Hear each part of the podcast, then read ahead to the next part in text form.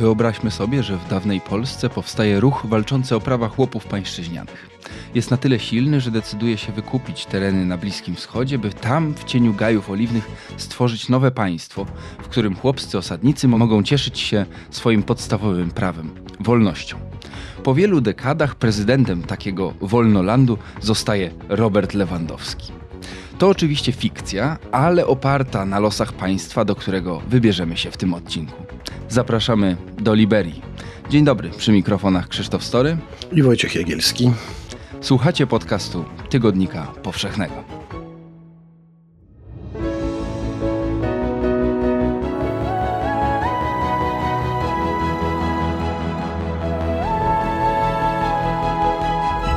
Podcast Tygodnika Powszechnego. Weź, słuchaj.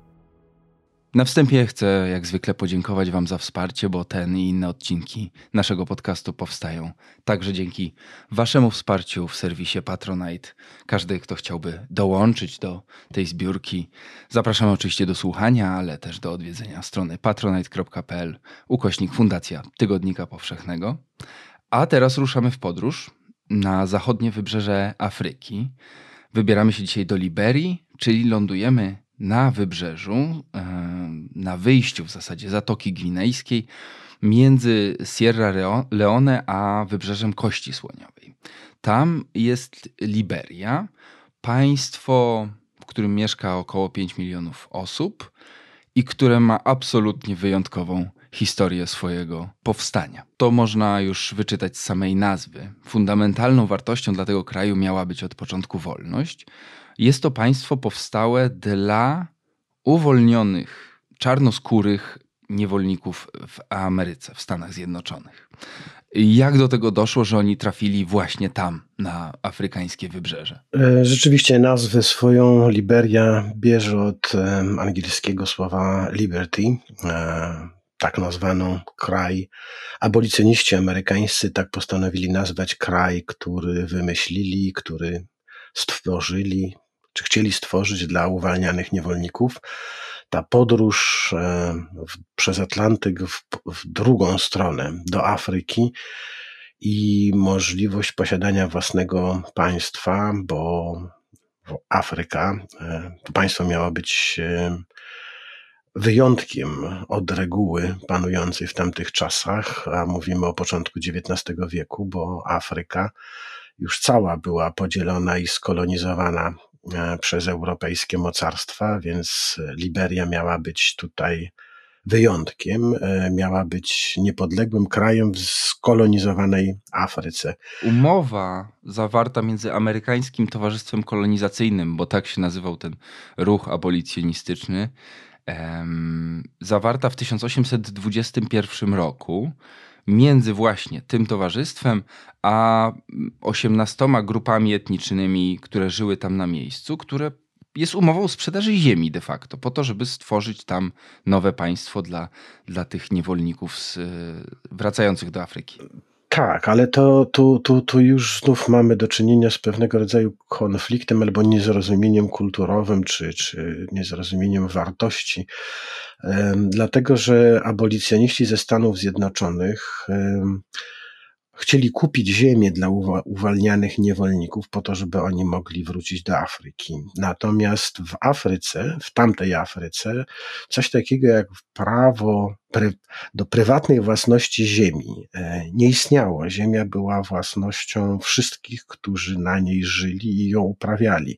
Więc ci wodzowie, mm, którzy dobili takiego targu, mieli jedno na myśli, a abolicjoniści coś zupełnie innego. E, wodzowie chętnie zapraszali, e, użyczali miejsca na swojej ziemi obcym, ale nigdy im do głowy nie przyszło, że ci, którzy zjadą z Atlantyku, będą uważali tą ziemię za swoją prywatną własność, bo czegoś takiego nie było w pojmowaniu ówczesnych Afrykanów. Zresztą ten kawałek ziemi, którym abolicjonistom udało się kupić, był takim najmarniejszym chyba w całej Afryce, dlatego że został im odstąpiony.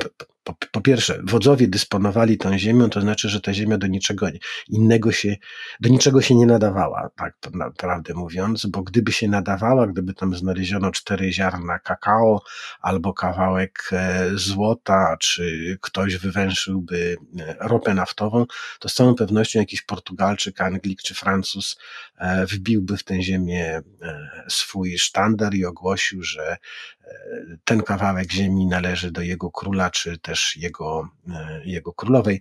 E, tam na wybrzeżu dzisiejszej Liberii nie znaleziono absolutnie niczego. Co więcej, klimat był paskudny, prawdopodobnie najgorszy w całej Afryce. Rzeczywiście cała Afryka jest e, pod tym względem regionem dużo trudniejszym dla osadników spoza Afryki niż choćby wschodnie afrykańskie wybrzeża. Panuje ogromna wilgotność powietrza, wysokie temperatury. Tam jeszcze to był teren zabagniony, pełen e, komarów roznoszących malarię, węży. No. Ale wiesz co, dopytam cię jeszcze, bo przedstawiasz tę Liberię jako taką ziemię, no może nie tyle spaloną, bo akurat y, jak nawet wystarczy spojrzeć na zdjęcie z satelity, żeby przekonać się, że tam dominuje jednak do dzisiaj kolor zielony, ale taką ziemię, z której nie da się zebrać jakichś plonów, które zapewniłyby dobrobyt. Tymczasem no, tuż obok mamy wybrzeże Kości Słoniowej i mamy Ganę, które są stosunkowo jak na mm, ten region bogatymi państwami. Z tych dwóch państw podchodzi innymi ponad połowa czekolady na całym świecie z wybrzeża Kości Słoniowej i z Gany. Nie na wybrzeżu Kości Słoniowej czy na Złotym Wybrzeżu, jak wówczas nazywano Ganę, abolicjonistom amerykańskim udało się kupić kawałek ziemi, bo, bo, bo właśnie ponieważ były to zbyt dobre ziemie, czy też e, skrywające zbyt wielkie bogactwa, nikt by im niczego podobnego nie sprzedał. Sprzedano im coś, co się według e, europejskich kolonizatorów e, do niczego nie nadawało, więc sprzedano im bagna pełne komarów i węży, gdzie nie spodziewano się niczego znaleźć. Owszem, to nie była oczywiście spalona ziemia i Liberia e, w takim klimacie aż tryska zielenią, jest to, jest to, jest to tropik. Mm, natomiast dopiero później założono tam, znaleziono tam rzeczywiście skarpy i założono jedne z najbogatszych e, plantacji kauczuku, e, najbogatszych w Afryce, no ale ten kauczuk to też nie był afrykański wynalazek, tylko został przywieziony już przez e, nowych właścicieli Liberii. Na początku lat dwudziestych rzeczywiście uwalniani niewolnicy statkami mm, wracali do Afryki i osiedlali się w Liberii na dobry początek, otrzymali mm, podręcznik albo taką podpowiedź, jak sobie urządzić kraj. Wzorem miała być, e, miały być Stany Zjednoczone Ameryki. E, nawet liberijska flaga jest wzorowana na amerykańskiej. E, ci uwalniani niewolnicy przewieźli z Ameryki do Afryki praktycznie wszystko, z czym się w Ameryce zetknęli, a więc demokracja, system wielopartyjny, prezydent, e, sposób ubierania się. Konstytucję. Konstytucję, nawet nadrównik przywieziono, cylindry, meloniki, surduty. Próbowano w tym wszystkim paradować. Nie tylko próbowano, ale, ale trzymano trzymano się tych mód e, wytrwale. E, ci, którzy z Ameryki wrócili, którzy byli niegdyś niewolnikami, e, powodowani może kompleksem niższości albo chęcią powetowania sobie tych marnych czasów, zabrali ze sobą do Afryki wzory, które ich zdaniem stawiały ich na wyższym stopniu, nie wiem, cywilizacyjnym, no, awansu społecznego. Starali się zachowywać tak, jak zachowywali się e, ludzie, e, którzy byli ich właścicielami e, właścicielami niewolników. I, i, I, to już był początek. Rzeczywiście ci, którzy wrócili z Atlantyku, przejęli Liberię mm, na własność i przejęli w niej rządy. To, to, to oni wybierali spośród siebie prezydentów. E, prawo wyborcze e, stawiało mm, progi, które okazały się nieprzekraczalne dla, dla tubylców.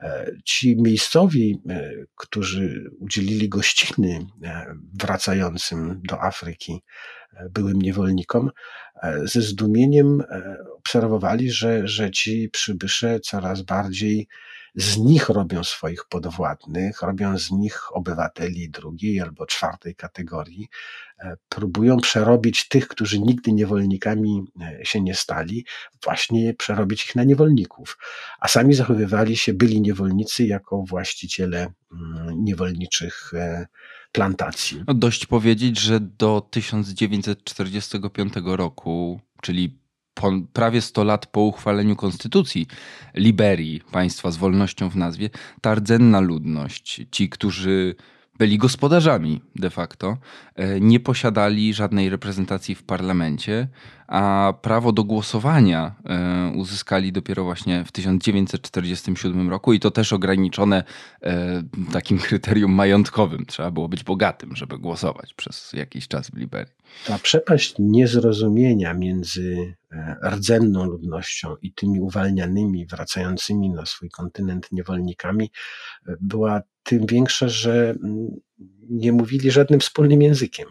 E, miejscowi e, z wybrzeży liberyjskich dzisiejszych mówili swoimi e, narzeczami, swoją mową, a ci, którzy przyjechali, mówili po angielsku, E, bo swoich rdzennych języków, języków swoich dziadków, pradziadków, którzy zostali wywiezieni mm, do Ameryki, już nie pamiętali, a w dodatku, nawet gdyby pamiętali, to te języki na wybrzeżach liberyjskich do niczego by im się nie przydały, bo przodkowie uwalnianych niewolników nie wyjechali za Atlantyk z, z nad Zatoki Gwinejskiej, tylko raczej z Konga, z Angolii.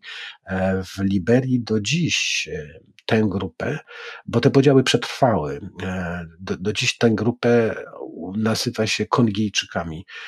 Więc to był kraj podzielony między mm, dwa jakby społeczeństwa. Jedno społeczeństwo uważało, że jest wolne, jest lepszy niż wszystkie inne w całej Afryce, bo nie jest zniewolony, jest republiką, jest niepodległą, bo w połowie XIX wieku Liberia ogłosiła niepodległość, e, podczas gdy cała reszta Afryki jest, jest niezniewolona, niewolnictwo zostało oficjalnie zakazane, ale, ale, ale Afryka była była, była, była mm, skolonizowana przez, przez, białych, przez białych z Europy.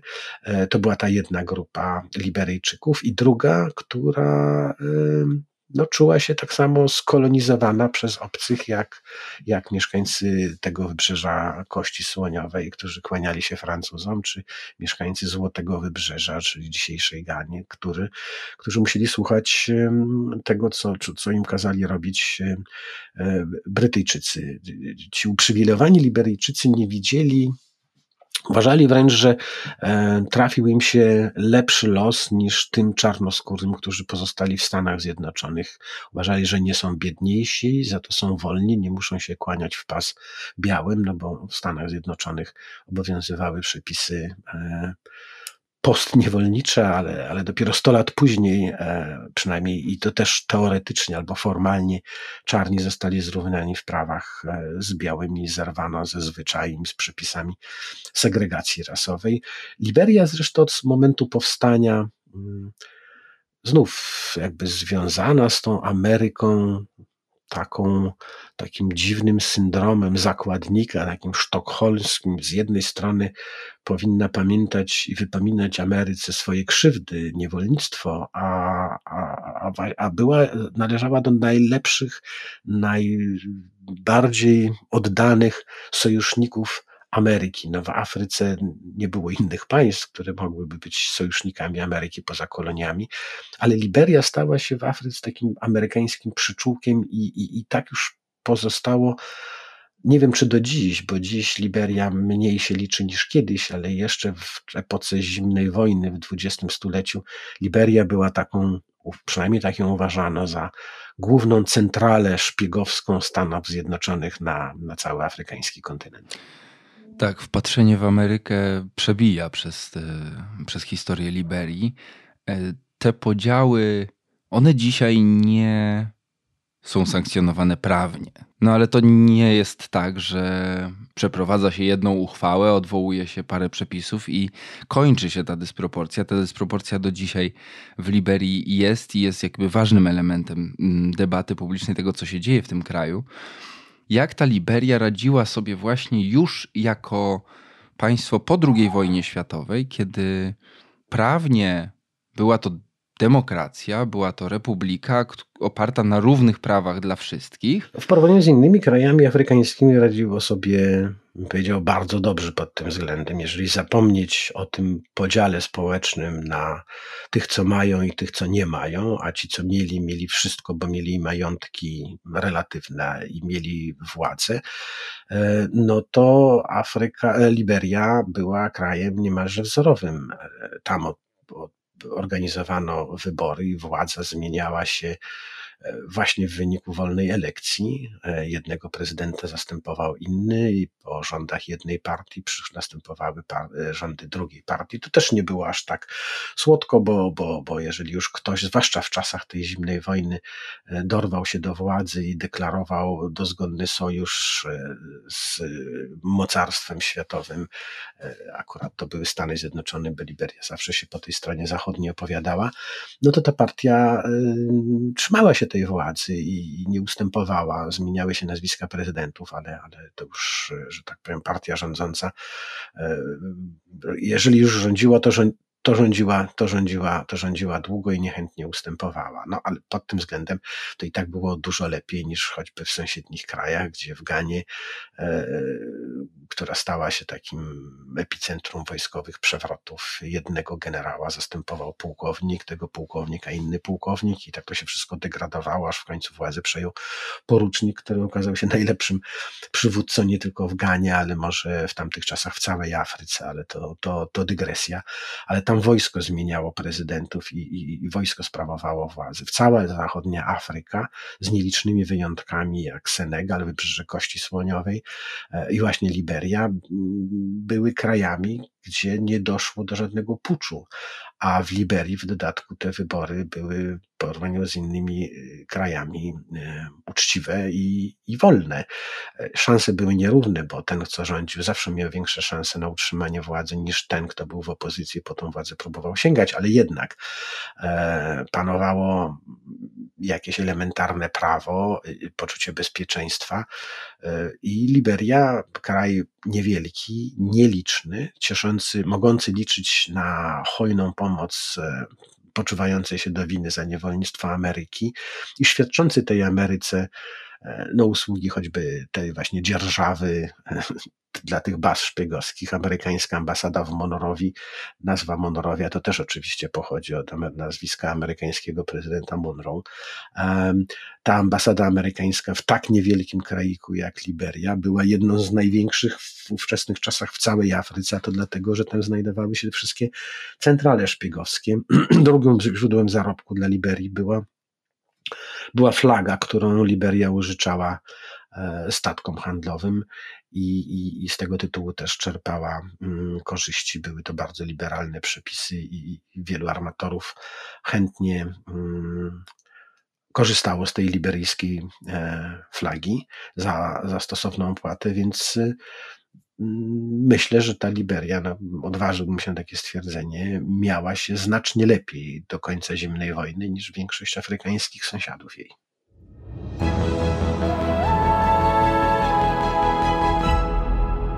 Kup Tygodnik Powszechny na stronie tygodnikpowszechny.pl i sprawdź swoją zniżkę z kodem podcast. Zimna wojna się skończyła, a dla Liberii zaczął się czas absolutnego chaosu ponad dekada wojny domowej, o której pisze się jako jednym z najbardziej krwawych konfliktów przełomu XX i XXI wieku. Wzniecona, czy mówi się, że najwięcej na niej wygrał, czyli, czyli prawdopodobnie ponosi największą odpowiedzialność Charles Taylor, który prezydentem Liberii został w 1997 roku w trakcie tej wojennej zawieruchy. Opowiedzmy o tej wojnie. Co, co się wydarzyło w Liberii w 1989 roku? No, wojna mm, wybuchła, była ogromnym zaskoczeniem dla całej Afryki i dla świata, aczkolwiek to zaskoczenie nie było jakieś straszne, bo wybuchła wojna nie w jakimś wiodącym kraju. To nie była Nigeria, to nie było Kongo, Sudan. To w tych krajach zresztą konflikty zbrojne trwały od dawna, poza Nigerią.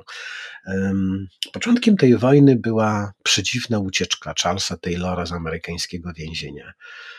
Taylor studiował w Stanach Zjednoczonych, był przedstawicielem, sam się uważał za przedstawiciela tych Kongijczyków, czyli tych potomków e, uwolnionych mm, niewolników. Nie wracał do Liberii, e, dlatego że w 1980 roku w tej Liberii demokratycznej, jak na tamte czasy, doszło jednak do zbrojnego zamachu i władzę przejął sierżant e, Samuel Doe pierwszy tubylec, pierwszy przedstawiciel rdzennej ludności Liberii, który doszedł do władzy. Ten jego zamach był rezultatem mm, niezadowolenia społecznego całego społeczeństwa z coraz marniejszych rządów, e, jakie e, sprawowali liberyjscy prezydenci, coraz większej korupcji, biedy. Poza tym koniec zimnej wojny, te nowe czasy i, i, i te wiatry, które nadciągnęły do Afryki z Europy, pozwoliły, sprawiły, że Liberyjczycy dojrzeli jakby mm, większy wybór, że nie muszą wybierać między jednym prozachodnim prezydentem i drugim, że, że, że, że można sobie, że, że, że ta, ta paleta wyborów jest, jest większa i że to, co było i z czego byli zadowoleni, nie jest jedyną możliwością, że można sobie. Że nie o, trzeba się tak ograniczać. Nie można tak, nie trzeba się aż tak bardzo ograniczać. I wtedy dojrzeli w tym prezydencie, który cieszył się coraz fatalniejszą opinią i ten zamach dokonany przez młodego sierżanta Witany był w Liberii z nadzieją, że, że coś się zmieni. No, to był 80 rok.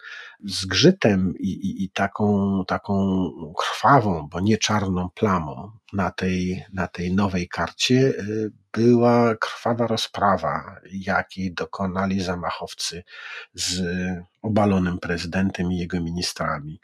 Wszyscy, jeżeli gdzieś dochodziło do zamachów, to zwykle mm, byli prezydenci lądowali w więzieniach, ministrowie uciekali za granicę, jednym udawało się wywieźć te majątki zrabowane, innym nie.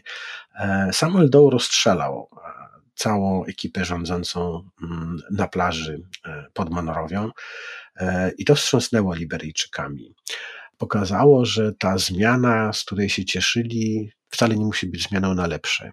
Szybko się przekonali, że nie była, bo Samuel Doe E, sierżant e, z całym szacunkiem dla szarży i, i, i, profesji wojskowej. E, może dobrze się sprawdzają sierżanci na polu bitwy czy na placu defiladowym, ale wojskowe kompetencje sierżanta zwykle okazują się niewystarczające, żeby rządzić nawet tak niewielkim krajem jak, jak Liberia. I zarządów Samuela Doe w Liberii działo się gorzej i, i coraz gorzej. Charles Taylor e, był zbyt młody, żeby e, Doe specjalnie przejmował się jego postacią, ale kiedy uciekł do Stanów Zjednoczonych e, i z Atlantyku zaczął Samuela Doe krytykować coraz bardziej i, i próbował e, montować przeciwko niemu jakiś tam ruch oporu, przynajmniej za granicą. Liberia zażądała wydania Taylora a Taylor do dziś niewyjaśnionych, to znaczy one są wyjaśnione, ale tych wersji jego ucieczki z więzienia jest, jest cała masa. Jedna z nich mówi, że, że uciekł z więzienia za przyzwoleniem amerykańskich służb specjalnych, które mm, nie widziały nic złego w tym, żeby Taylor wrócił do Afryki, wywołał wojnę i odsunął od władzy Samuela Doe, któremu Amerykanie tak nigdy na dobrą sprawę do końca nie ufali. W Afryce okazało się, że mm, Taylor był człowiekiem bardzo obrotnym i nawet jeżeli cieszył się poparciem amerykańskim na początku, to wylądowawszy już w Afryce, zaczął ubiegać się o wsparcie przywódców może mniej potężnych niż amerykański prezydent w sensie globalnym, ale regionalnym, e, znacznie bardziej wpływowym. E, korzystał z, e, żarował na ambicjach takich przywódców jak Muammar Kaddafi, panujący wówczas w Libii, mający ambicje bycia afrykańskim królem całej Afryki, władcą, a także chociażby prezydenta ówczesnego Wybrzeża Kości Słoniowej, e, który, mm, który po prostu Samuela Doe nie znosił, uważał go za parweniusza i, i chętnie wspierał wszystkich, którzy, którzy by temu Samuelowi Doe szkodzili albo odsunęli go od władzy. Mm, I w ten sposób Taylor e, skrzyknął partyzanckie wojsko, e, zbudował tą armię i pod koniec lat 80. E, zaatakował Liberię. Na początku nie wydawało się to jakoś specjalnie zagrażającym wydarzeniem porządkowi w zachodniej Afryce, ale szybko okazało się, że ten atak Taylora wywołał niezwykle chaotyczną e, wojnę w Liberii, dlatego że liberijskie państwo rozpadło się jak domek z kart. E, armia liberijska podzieliła się na frakcje wierne poszczególnym dowódcom. E, pojawiły się nowe partyzantki, z których jedne chętnie współpracowały z Taylorem, póki było im po drodze, ale wystarczył pierwszy konflikt, różnica zdań, e, jakieś animozje osobiste, czy też etniczne i, i, i już partia działała mm, osobno. Więc to była wojna w zasadzie wszystkich ze wszystkimi. Wydawało się jeszcze na początku, że wystarczy posłać do Liberii jakieś wojska pokojowe, e, ONZ. E, w końcu zdecydowano się, że, że wystarczą wojska zachodnioafrykańskie, wspólnoty zachodnioafrykańskiej ECOWAS, e, gdzie główną rolę odgrywała Nigeria.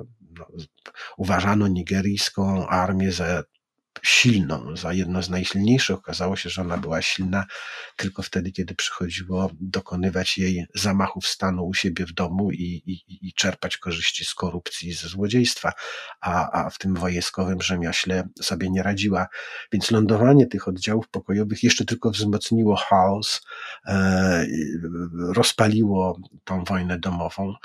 To się wspomina jako jedną z najbardziej nieudanych misji pokojowych w ogóle w historii tych, tychże projektów. No, ta, ta misja nikogo nie uchroniła, e, nie, nie, nie uratowała Liberii przed żadną wojną, a przyczyniła się tylko do jeszcze większego chaosu. W jakimś sensie przyczyniła się do śmierci Samuela Doe, który czy nie miał sił, czy nie miał możliwości, nie walczył tak, jakby, jakby, jakby, jakby oczekiwano od prezydenta zagrożonego przez rebeliantów. I w końcu w Monrowi został e, aresztowany przez jedną z partyzanckich partii, e, uwięziony, został zastrzelony, a wcześniej torturowany. Oprawcy nagrali film, który potem e, chętnie rozprowadzali po, po, po stolicy jako, jako może nie przestrogę dla innych, ale jako dowód swojego okrucieństwa i swojej potęgi. Zresztą dzisiaj ten, który zabił Samuela Doe, a Prince Johnson jest szanowanym senatorem w Liberii, pod koniec życia nawrócił się na. E, zawsze uważał się za chrześcijanina, ale, ale stał się takim ewangelicznym chrześcijaninem, kaznodzieją występującym w telewizji. Każe przebaczać, ale zabrania e, swoim wiernym, ale także tym, którzy uważają się za jego przeciwników i wypominają mu przeszłość, zabrania dokonywania rozrachunków z przeszłością rozrachunki z przeszłością i w ogóle grzebanie w sprawach nie tak bardzo przecież odległych, ale jednak przeszłych, Prince Johnson uważa za grzech śmiertelny, który zagraża e, całemu dobru, które Liberia, przede wszystkim jego samego, jego samego czeka. I rzeczywiście ta, ta, ta, ta Liberia po, po śmierci Samuela Doe, ta wojna już przybrała taki no, tak makabryczny, że aż apokaliptyczny niemalże e, wymiar. Mówiło się, że to nie Kongo, tylko Liberia stało się takim afrykańskim jądrem ciemności. E, dokonano tam wszystkich możliwych zbrodni z ludożerstwem e, włącznie, masowe gwałty, okaleczenia, pogromy ludności cywilnej, grabieże. I, a ponieważ Liberia nie zagrażała nie stanowiła, nawet pogrążona w wojnie, nie stanowiła zagrożenia, tak się przynajmniej wydawało, dla porządku nawet w regionie, no to załamywano ręce. To był czas, kiedy upadał komunizm, skończyła się zimna wojna, przywódcy świata uważali, czy no, przejmując się losem Liberii, czy niedolą Liberii, e, uważali, że, że są pilniejsze sprawy do rozwiązania. Ale wiesz, jak się w ogóle patrzy na ten początek lat 90. w Afryce, E, kiedy my, my w Europie czy w Stanach opowiadaliśmy sobie różne bajki o końcu historii, o tym, że teraz stopniowo może, może jeszcze parę kroków trzeba wykonać, ale wszyscy zaraz będziemy się lubić, żyć w pokoju i dostatku a ten początek lat 90. w Afryce, to wiesz, to jest nie tylko Kongo, to jest nie tylko Liberia, to jest nie tylko wojna w Sierra Leone potem, którą też wywołał Charles Taylor, Taylor jak, już, jak już z Liberią sobie e, Liberię opanował. E, to jest też Ruanda. Moglibyśmy wyliczać te afrykańskie konflikty, zresztą dużo o nich opowiadamy e, w podcaście i często na, na ten kontynent e, wracamy.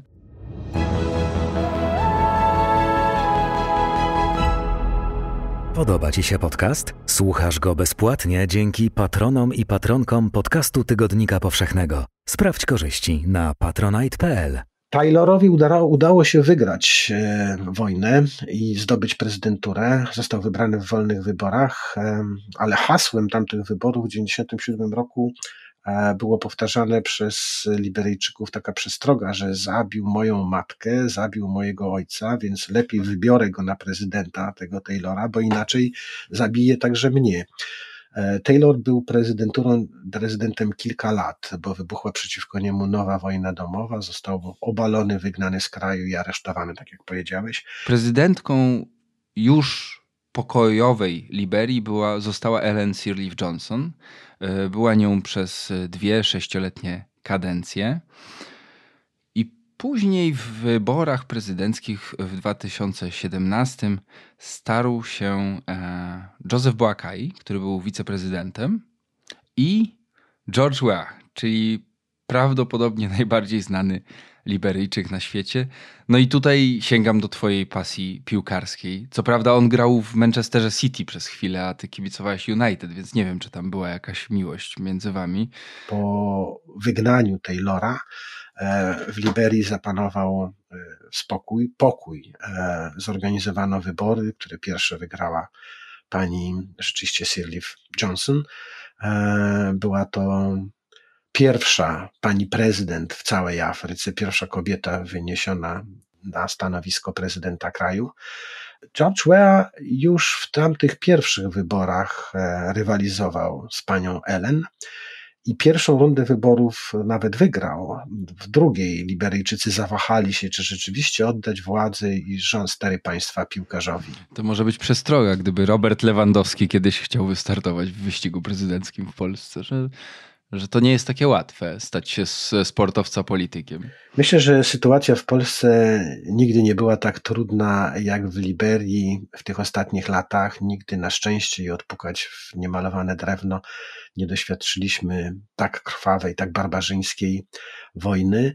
Nie, nigdy tak bardzo nie potrzebowaliśmy jakiejkolwiek pociechy i nadziei, i, a George Weah dla Liberyjczyków był tą jedyną nadzieją. W czasach, kiedy oni cię... Nadzieją na cud de facto. Tak, w czasach, kiedy z Liberią, na słowo Liberia wszyscy odwracali się z grozą, bo, bo, bo, bo tylko grozę ta nazwa budziła, George Weah święcił triumfy y, sportowe w Europie.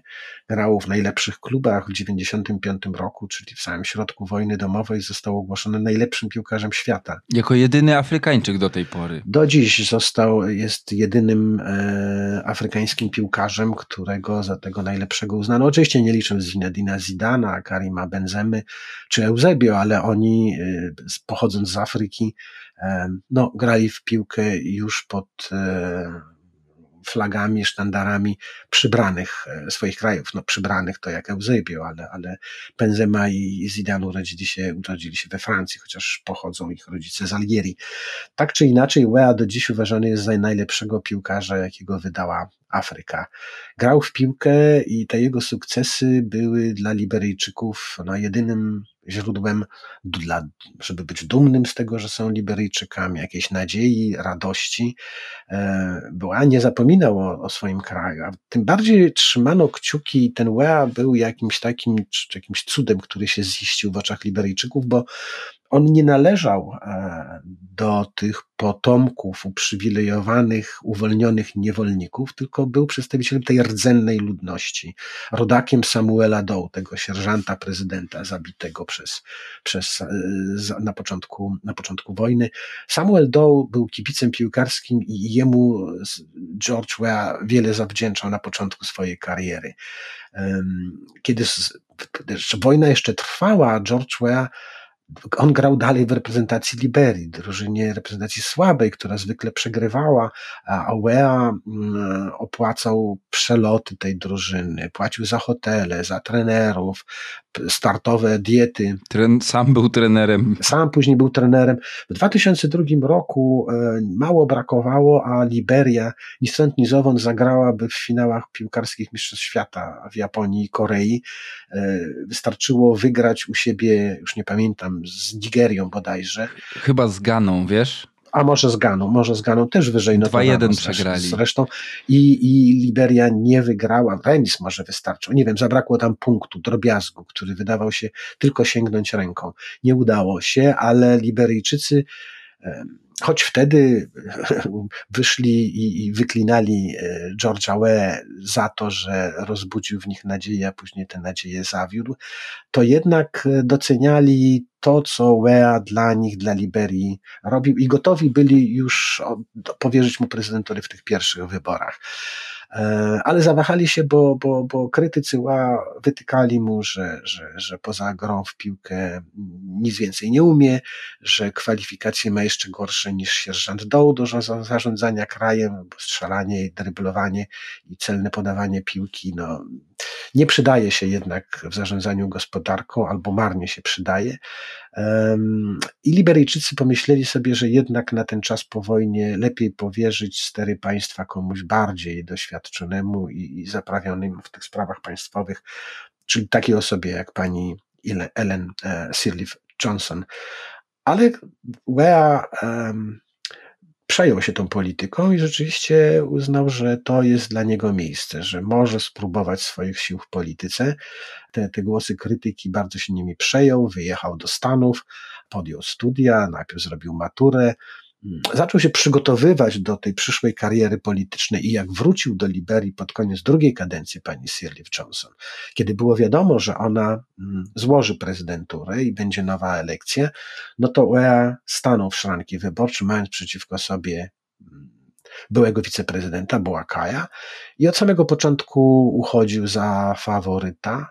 E, i wygrał te wybory. Zdecydowanie, chociaż w drugiej rundzie, mówię tak troszkę paradoksalnie, zdecydowanie w drugiej rundzie, ale w Liberii jeszcze nikomu w pierwszej rundzie wyborów e, wygrać się nie udało. Zawsze dochodziło do dogrywki i te dogrywki, ta dogrywka, w której wygrał Wea, była jedyna e, w którym różnica między zwycięzcą i pokonanym była tak wielka. I zastanawiano się, czy George Weah jest już gotowy, żeby, żeby być prezydentem. Liberyjczycy się nie wahali, dlatego że po rządach pani Sirleaf Johnson, która dbała przede wszystkim o to, żeby utrzymać pokój, żeby ta wojna, która zniszczyła Liberię, wygasła, żeby. Dlatego niespecjalnie lubiła mówić o przeszłości, o rozrachunkach z przyszłością. Prince Johnson był zadowolony z, z, z polityki pani, pani Sirleaf Johnson. Ona została zresztą za tą swoją mm, politykę pojednawczą nagrodzona pokojowym Noblem jak Nelson Mandela.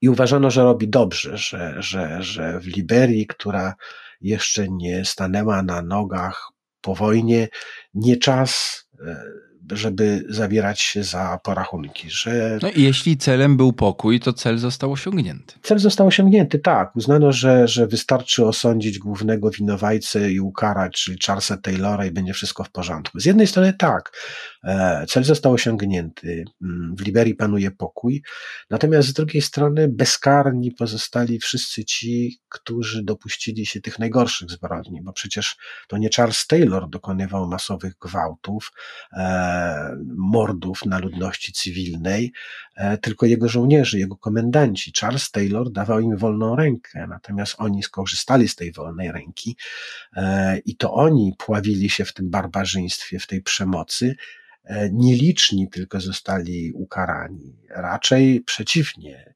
Ci e, panowie wojny, ci warlordowie po wojnie zachowali majątki zdobyte na wojnie, wpływy zdobyte na wojnie i przerobili to wszystko, ten wojenny kapitał, ten, te krwawe diamenty na kapitał polityczny. E, I dlatego dzisiaj Prince Johnson może paradować w Senacie i, i występować jako kaznodzieja w liberyjskiej telewizji, przestrzegając ludzi przed grzechem i pouczając ich, jak mają, jak mają żyć.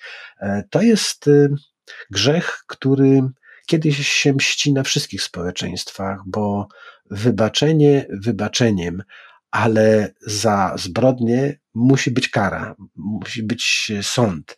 I dopiero wtedy można e, to dopiero kara za zbrodnie może być początkiem pojednania i wybaczania. Kiedy nie ma e, tego osądu przynajmniej, trudno mówić o, o szczerym wybaczaniu e, krzywd i, i, i, prawdziwym, i prawdziwym pojednaniu. Więc w Liberii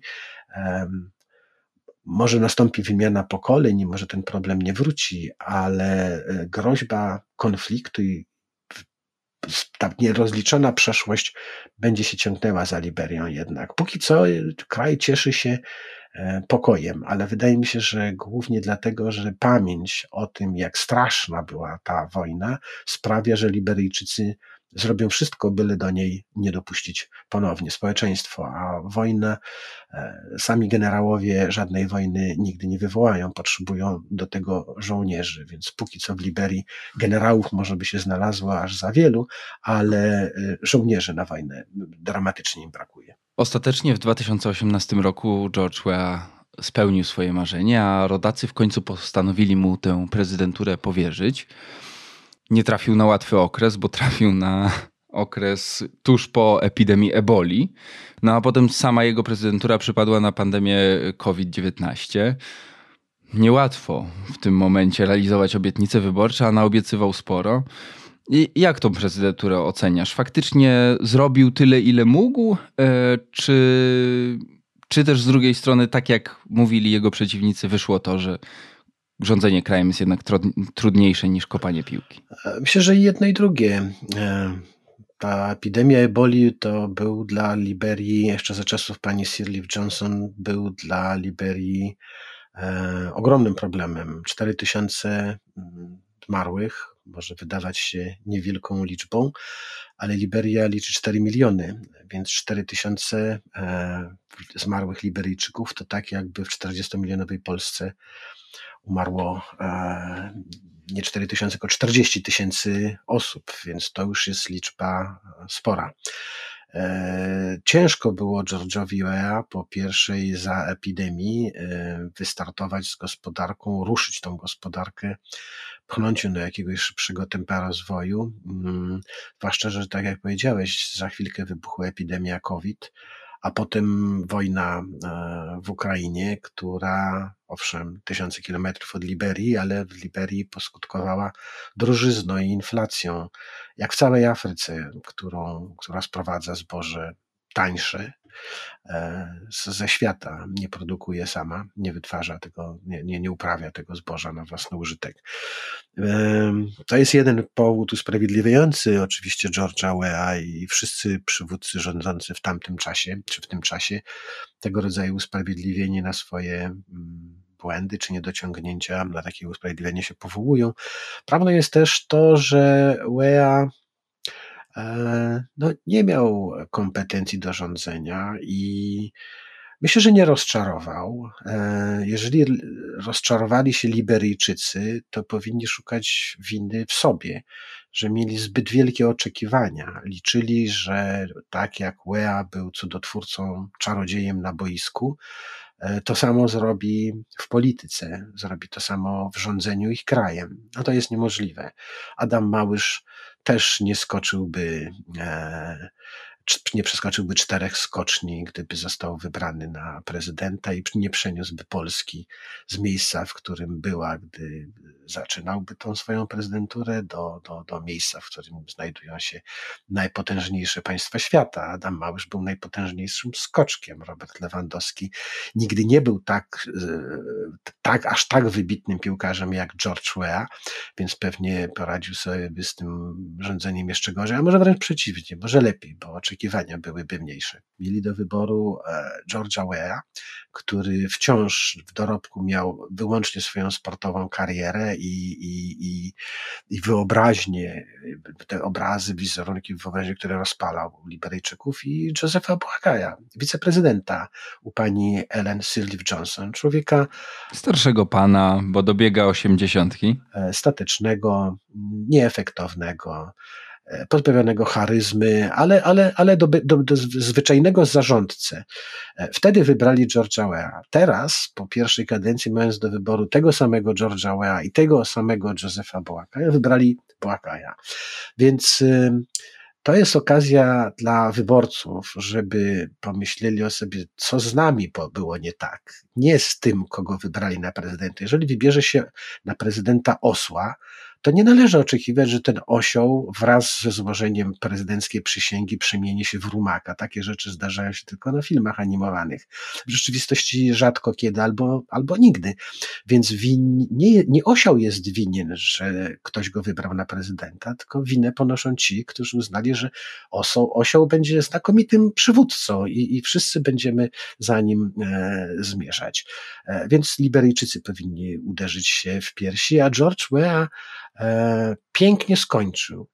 E, karierę sportową nie, nie skończył kariery sportowej równie spektakularnie i ładnie, jak skończył tą swoją jedyną póki co prezydenturę, bo wciąż jak na politykę nie jest człowiekiem starym i wcale bym się nie zdziwił, jakby za sześć lat ponownie ubiegał się o liberyjską prezydenturę. Ale masz rację, przegrał w stylu fair play. To oklaski na stadionach za takie zachowania są. George Weah tak, jego oburzył głównie swoich partyjnych towarzyszów, którzy uważali, że oddał władzę zbyt, zbyt lekko, bo jeszcze nie policzono wszystkich głosów, a George Weah wystąpił z telewizyjnym orędziem, pogratulował swojemu pogromcy e, i uznał, że przewaga, jaką ma nad nim, choć jeszcze wszystkich głosów nie policzono, jest tak duża, że nie ma szans jej nadrobić, więc gratuluję zwycięstwa. E, powiedział, e, moja partia przegrała, ale wygrała Liberia. I to święta prawda. E, pokazał, że dobro tej Liberii miał wyżej niż swoje własne e, dobro polityczne. Jego partyjni towarzysze ich aż zatrząsło, zatrzęsło z oburzenia, że jakże można uznawać zwycięstwo przeciwnika przed złożeniem e, wyborczych skarg, przed pójściem do sądu, przed publicznym oskarżaniem o manipulacje, o oszustwa, o kanty, prawdziwe czy nieprawdziwe te, te, te, te skargi by były, mniejsze o to.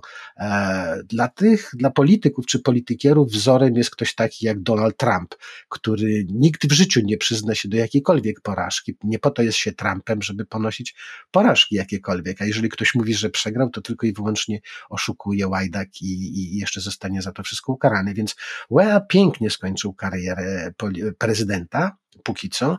E, kariery sportowej aż tak pięknie nie kończył, bo kariery sportowej takim stylu skończyć się nie da. I przed George'em Weah też byli atleci, którzy nie potrafili wyczuć tego dobrego momentu, żeby zejść z boiska czy zejść z ringu. jeżeli Muhammad Ali przegapił ten moment, atleta genialny, być może najlepszy w dziejach, to trudno było oczekiwać, żeby George Weah wyczuł też e, ten moment dobry. Jak się coś robiło całe życie, to ciężko pewnie e, z tym czymś skończyć tak z dnia na dzień. Nawet jeżeli nie przypomina się już tego mistrza czy arcymistrza sprzed paru zaledwie lat. George Weah póki co schodzi z tego prezydenckiego boiska, no, ale boisko e, pozostaje. Liberyjczycy wybrali Boakaja na prezydenta. Kraj, w którym ponad 60% ludzi jest poniżej 25 roku życia, wybiera na prezydenta, na przywódcę człowieka dobiegającego osiemdziesiątki, a może właśnie tak powinno być. Boakaj ma dużo wyzwań przed sobą. Jednym z takich, na które najbardziej uskarżają się jego obywatele, ci, którzy go właśnie zatrudnili do pracy, jest korupcja wszechobecna. Myślisz, że sobie poradzi? Pewnie nie, ale wyzwań ma tak wiele, że, że trudno oczekiwać, żeby ze wszystkimi sobie poradził. Myślę, że z porządkowaniem kraju poradzi sobie lepiej niż George Weah, bo jest, to jest jego zawód. On jest y, administratorem, politykiem od początku swojej kariery zawodowej niemalże, George Weah był piłkarzem. E, tego doświadczenia takiego nigdy, nigdy nie miał. Myślę, że e, rządom czy, czy panowaniu Josepha Boakai będą towarzyszyły mniejsze oczekiwania, więc wystarczy, jeżeli ukróci korupcję, co obiecywał już George Weah, a za jego rządów e, ta korupcja i prywata nie została poskromiona, a nawet. E, no według międzynarodowych rankingów to nawet wzrosła. Tak, tak. I to nie wynikało z tego, że to George Weah się korumpował, bo nie. Natomiast niewystarczająco potrafił dopilnować swoich urzędników, e, czy wszystkich tych, którzy go natychmiast obstąpili, e, bo tak to zawsze jest i zawsze tak było i w czasie jego kariery sportowej, że im większe sukcesy, tym, tym, tym większa rzesza adoratorów i, i, i doradców, którzy pławili się chętniej w tym cieple sławy, ale także próbowali uszczknąć coś z fortuny, którą, którą UEA zdobywał, więc tutaj tą, tą, tą lgnęli do władzy, żeby tą władzę przerobić na wehikuły pozwalające zbijać majątki, a UEA sobie z tym też nie poradził. Myślę, że Boakaj e, bardziej, w sposób bardziej odpowiedzialny i, i mądrzejszy dobierze sobie tą drużynę. Więcej wie i lepiej zna się na tej polityce, żeby narobić tylu błędów, ale przede wszystkim z jego rządami, myślę, nawet ci młodzi, zresztą to rzeczywiście nam się może wydawać niezwykłe, jak to 62 trzecie kraju to są ludzie dwudziestoletni. To my się tego dziwimy, bo jesteśmy starzy e, w Europie. W Afryce to jest norma. E, Afryka jest młodym kontynentem. Afryka jest kontynentem dwudziestolatków, co nam się może wydawać czymś. W, w Liberii byłbym w jednej trzeciej najstarszych ludzi w społeczeństwie, nawet więcej. Prawda? A to nie znaczy, że tam 63 latków jak ja nie ma, a nawet e, zdobywają władzę, ale to młodzi są w większości.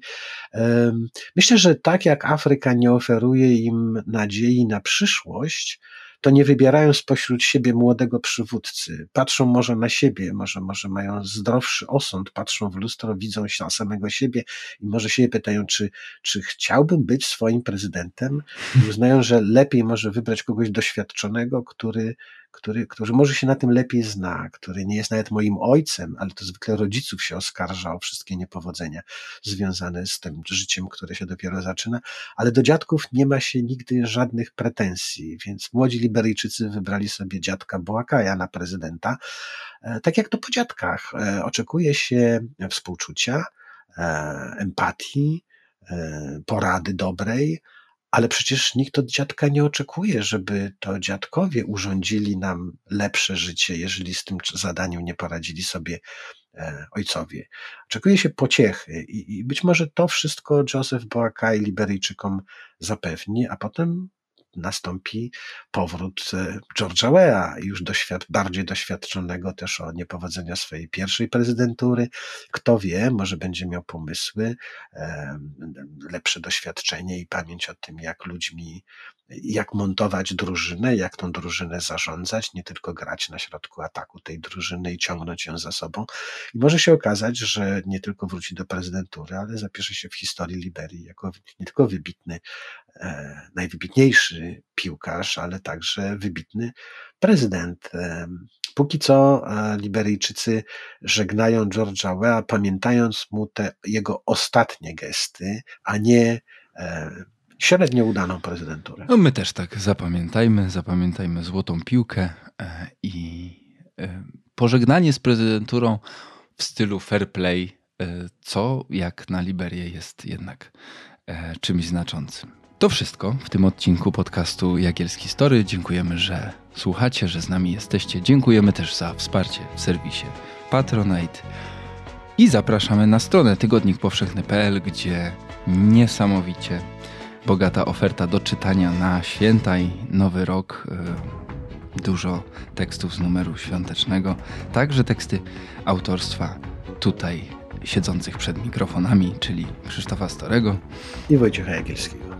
A my się już żegnamy. E, życzymy Wam spokojnego czasu między świętami, bo ten podcast e, emitowany jest 28 grudnia i szczęśliwego nowego roku. Do usłyszenia w 2024.